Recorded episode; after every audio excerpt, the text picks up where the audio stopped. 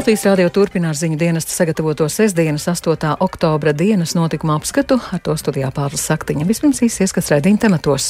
Krievija apsūdzējusi Ukrainu Krīmas tilta spridzināšanā, Kieva to nedz apstiprina, nedz noliedz. Uzbrukums Krīmas tiltam ir simbolisks un taktisks trieciens Krievijai.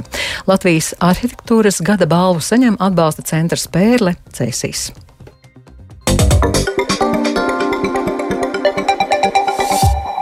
Krievija apsūdzējusi Ukrainu Krīmas tilta spridzināšanā. Incidenta rezultātā tiltam, kas savieno anektēto Krīmas pussalu un Krievijas teritoriju, radīti nopietni bojājumi, kuru dēļ gandrīz visu dienu bija slēgta satiksme. Pēc notikušā Krīmas iedzīvotāji panikā izpērkot pirmās nepieciešamības preces. Viss liecina, ka sprādziens ir Ukraiņu sarīkota diversija, taču Kieva to nedz apstiprina, nedz noliedz. Vairāk stāsta Uldis Česberis. Sprādziens uz Krimas tilta nogranda agri no rīta. Krievijas varas iestāžu publicētā video redzams, ka eksplozija notika uz tilta daļas, kas ir paredzēta automašīnām. Sprādziens bija tik spēcīgs, ka iebruka divi automašīnām paredzētā tilta laidumi. Savukārt uz blakus esošā dzelzceļa tilta aizdegās vairākas degvielas cisternas, kuras veda kravas vilciens. Liesmas izdevās nodzēst tikai pēc vairākām stundām. Krievijas ieceltais Krimas vietvaldis Sergejs Aksjonovs pēcpusdienā paziņoja, ka ir atjaunota autotransporta satiksme pār tilta pusi, kas sprādzienā nopietni necieta. Savukārt dzelzceļa satiksmi pār tiltu plānots atjaunot vakarā. Trimdā dzīvojošais Krimas tatāru līderis Refats Čubarovs sacīja, ka pēc šorīt notikušā incidenta uz tilta pussalas iedzīvotāji panikā izpērk pārtiku un degvielu. Mēs saņēmām apstiprinājumu tam, ka maizes izstrādājumi ir pazuduši no veikalu plauktiem, bet viens cilvēks nevar iegādāties vairāk par 3 kg miltu un putrājumu. Mūsu rīcībā ir fotografijas, kas to apliecina. Mēs gan nezinām, vai šādas norādes ir devušas centrālās varas iestādes. Visgarākās rindas ir degvielas uzpildes stacijās pēc benzīna. Varas iestādes cenšas nomierināt iedzīvotājus, taču apstākļos, kad ir kliedēts viens no lielākajiem mītiem par Krimas neaizskarmību. Cilvēki rīkosies pretēji tam, ko teiks varas iestādes. Люди будуть робити зворотнє. Čubarovs arī sacīja, ka tie Krimas iedzīvotāji, kuri vēlas pussalas deokupāciju, priecājas par Krimas tilta sabojāšanu. Krievijas Nacionālā pretterorisma komiteja paziņojusi, ka uz Krimas tilta ir uzspridzināta kravas automašīna. Saskaņā ar Krievijas mediju ziņoto auto īpašnieks esot kāds Krasnodaras novada iedzīvotājs. Krievijas izmeklēšanas komiteja paziņojusi, ka sprādzienā ir nogalināti vismaz trīs cilvēki. Viņi bija pasažieri vieglajā automašīnā, kas brauca blakus uzsprāgušajām kravas auto. Izmeklēšanas komiteja ir ierosinājusi kriminālu lietu, taču neatklāja pēc kāda panta. Savukārt Krievijas prezidents Vladimirs Putins uzdeva izveidot īpašu valdības komisiju, kurai būs jānoskaidro notikušā apstākļi un jākoordinē seku likvidācija. Kremļa ieceltās Krimas valsts padomes priekšsēdētājs Vladimirs Konstantinovs uzbrukumā tiltam vainoja Ukraiņu vandaļus. Ukrainas amatpersonas neslēpj gandarījumu par incidentu uz Krimas tilta. Ukrainas bruņoto spēku pārstāve Natālija Gumeņuka paziņoja, ka Krievijai svarīgas transporta artērijas izsišana no ierindas Ukraiņus pilnībā apmierina. Ukrainas prezidenta administrācijas padomnieks Mihailo Podaļaks sociālajā tīklā Twitter paziņojis, ka viss nelikumīgais ir jāiznīcina, viss nozagtais ir jādod Ukrainai, bet visas Krievijas okupētās teritorijas ir jāatgriež Ukrainai. Savukārt Ukrainas Nacionālās drošības un aizsardzības padomes vadītājs Oleksijas Danilovs notikušo komentēja ar ironisku ierakstu sociālajā sociālajā tīklā Facebook. Viņš publicēja video, kurā degošā Krimas tilta kadri ir apvienoti ar kinozvaigznes Merilinas Monroe slaveno muzikālo apsveikumu dzimšanas dienā ASV prezidentam Džonam Kenedijam.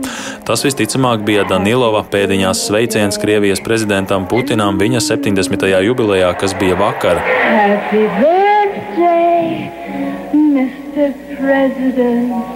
Jāatgādina, ka Krimas tiltu uzcēla pēc tam, kad 2014. gadā Krievija okupēja un anektēja Krīmu.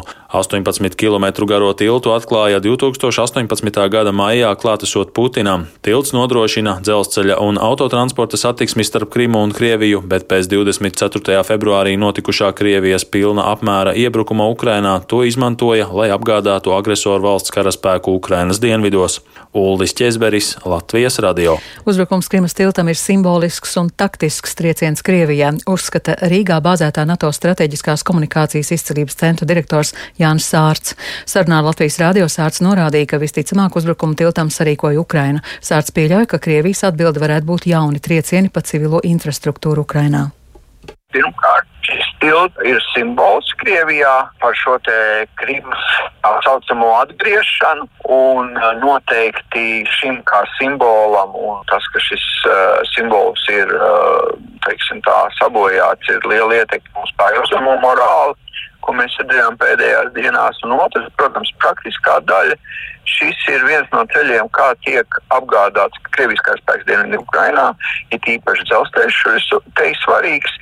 Un tas, kā šo nevar izmantot, noteikti būs uh, vēl viens ierobežojošs punkts. Krievijas spēja aizsargāt savas okupētās teritorijas uh, Ukrainas dienvidos. Es domāju, skaidrs, ka tie ir Ukraiņi, kas to ir izdarījuši.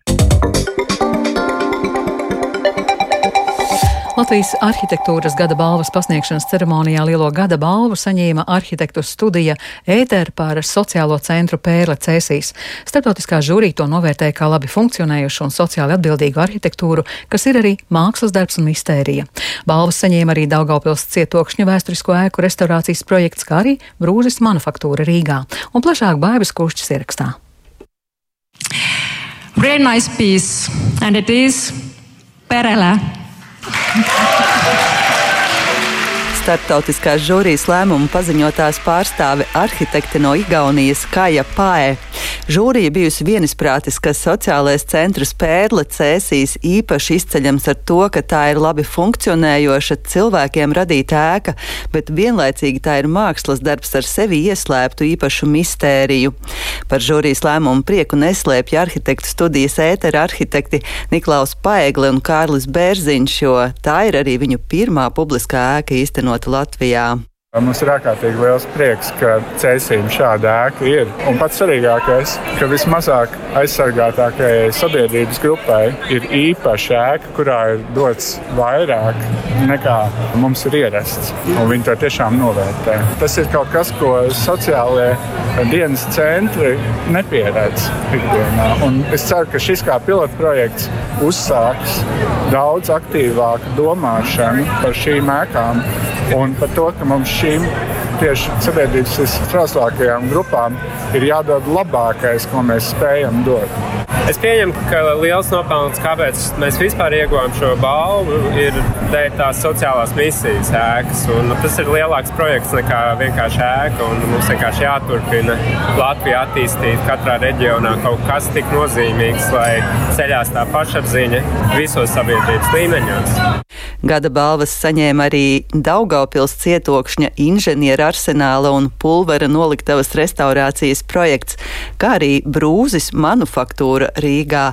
Kā izcils veikums tos vērtē arī atlases žūrijas pārstāve Ieva Zībārte. Daugopils cietoksnis, manuprāt, ir novērtējums visai arhitektu kopienai, kas strādā restaurācijas laikā, un arī projekta autoriem, kas ilgus gadus ir veltījuši, lai atjaunotu mantojumu. Un mēs redzam brīnišķīgu rezultātu. Brūzis ir brīnišķīgs arhitektu biroja sampling darbs, īpašs ar to, ka mums ir parādījies vēl viens arhitektu birojs, kas piedāvās savu unikālo redzējumu mantojuma atjaunošanā. Tad ir vēl viena versija, un šeit ļoti adaptīva adaptīvi, maksimāli saglabājot arī to uzslāņojumu, kas daudziem varētu šķist neglīts. Viņi ir izvēlējušies pieeja arī šo saglabāt, un ļoti daudz ir otrais izmantojamu būvmateriālu, kas pašlaik enerģijas resursu un ekonomiskās krīzes kontekstā ir īpaši svarīgi. Brīnišķīgi darbi! Atzīst Ieva Zībārte, trīs godalgotie darbi labi parāda visu mūsu arhitektūras spektru, no restaurācijas līdz jaunbūvei, kā arī dažādu pauģu arhitektu veikumu. Baiba Kušķe, Latvijas radio. Par sportu. Latvijas atklātajā hokeja čempionātā šodien gandrīz sensāciju sagādāja Oļegas Rokina trenētā hokeja skolas Rīga komanda, bet vietējā futbola virslīgā vēl vairāk pieauga spriedze par to, kurš sezonas noslēgumā virs galvas cels čempionu kausu. Vēl šovakar arī cīņa Latvijas labākajām kickbokserim. Un par visu vairāk to līdz pastāstīs Mārtiņš Kļavinieks. Sveiks, Mārtiņ! Sveiki, pārslu un sveicināt arī Latvijas radio pirmā kanāla klausītāji. Mārtiņ, pastāsti lūdzu, kas tad interesants noticis Latvijas un pasaules sportā? Jā, nu sākšu ar notikumiem tepat Latvijas futbola virslīgā, jo spēles, kuras šodien bija jāizvada, ir noslēgušās.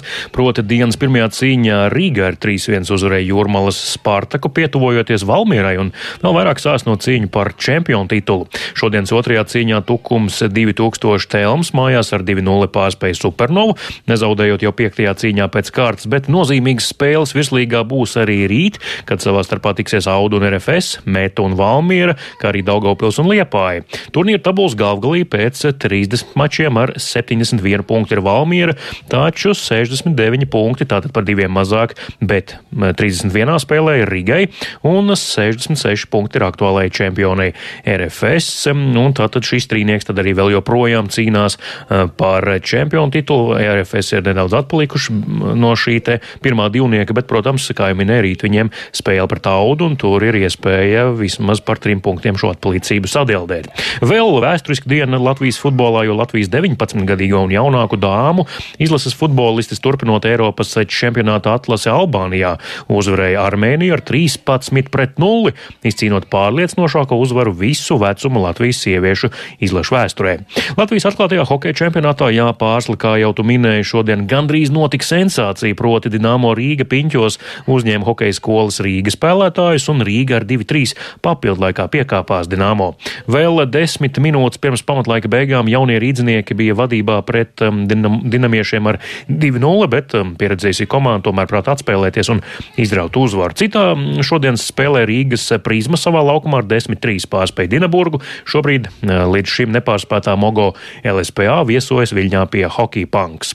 Bet Latvijas čempione Zemgale LLU šobrīd aizvada sezonas sesto maču Mestis līgā Somijā tiekoties ar Pelitātu vienību Jelgaunieki zaudējuši trijos mačos pēc kārtas, bet šobrīd rīt šīs konkrētās spēles otrā trešdaļa, tās 12. minūte, un Zemgali ir iedzinējos ar 0 pret 2. Jāpiebilst, ka izbraukumā šajā līgā Jelgaunieki vēl nereiz nav izcīnījuši uzvaru. Par citiem notikumiem Livonija Regbija 15 eh, komanda šodien top līgas pusfināla atbildes mačā ar 33 pret 34 piekāpās Kauņas Aužolas vienībai, taču divu spēļu summā bija pārāk un iekļuva finālā.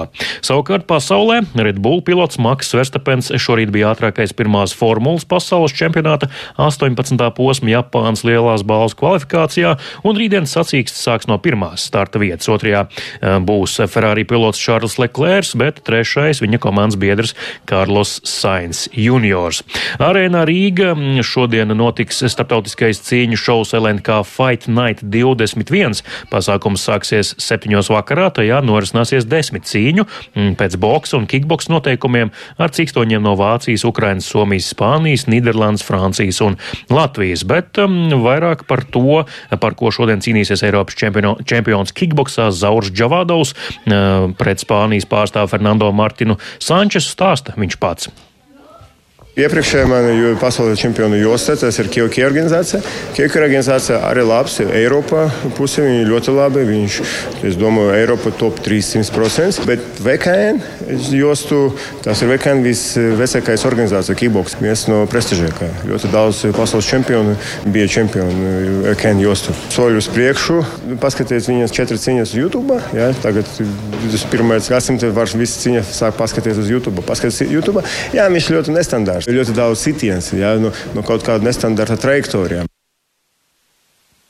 Jā, tālāk Latvijas labākais kickboksa pārstāvis Zaurs Džavādovs, kurš tātad šodien aizbīs cīņu pār dubult VKN jostu kickboksā, un tātad LNK cīņu nakts 21. no tām sāksies jau šovakar um, arēnā Rīga septiņos, un tur, protams, um, uz ringā kāps arī bokseris Milāns Volkovs un citi Latvijas pārstāvi. Man par sportu tas, tas šobrīd arī viss.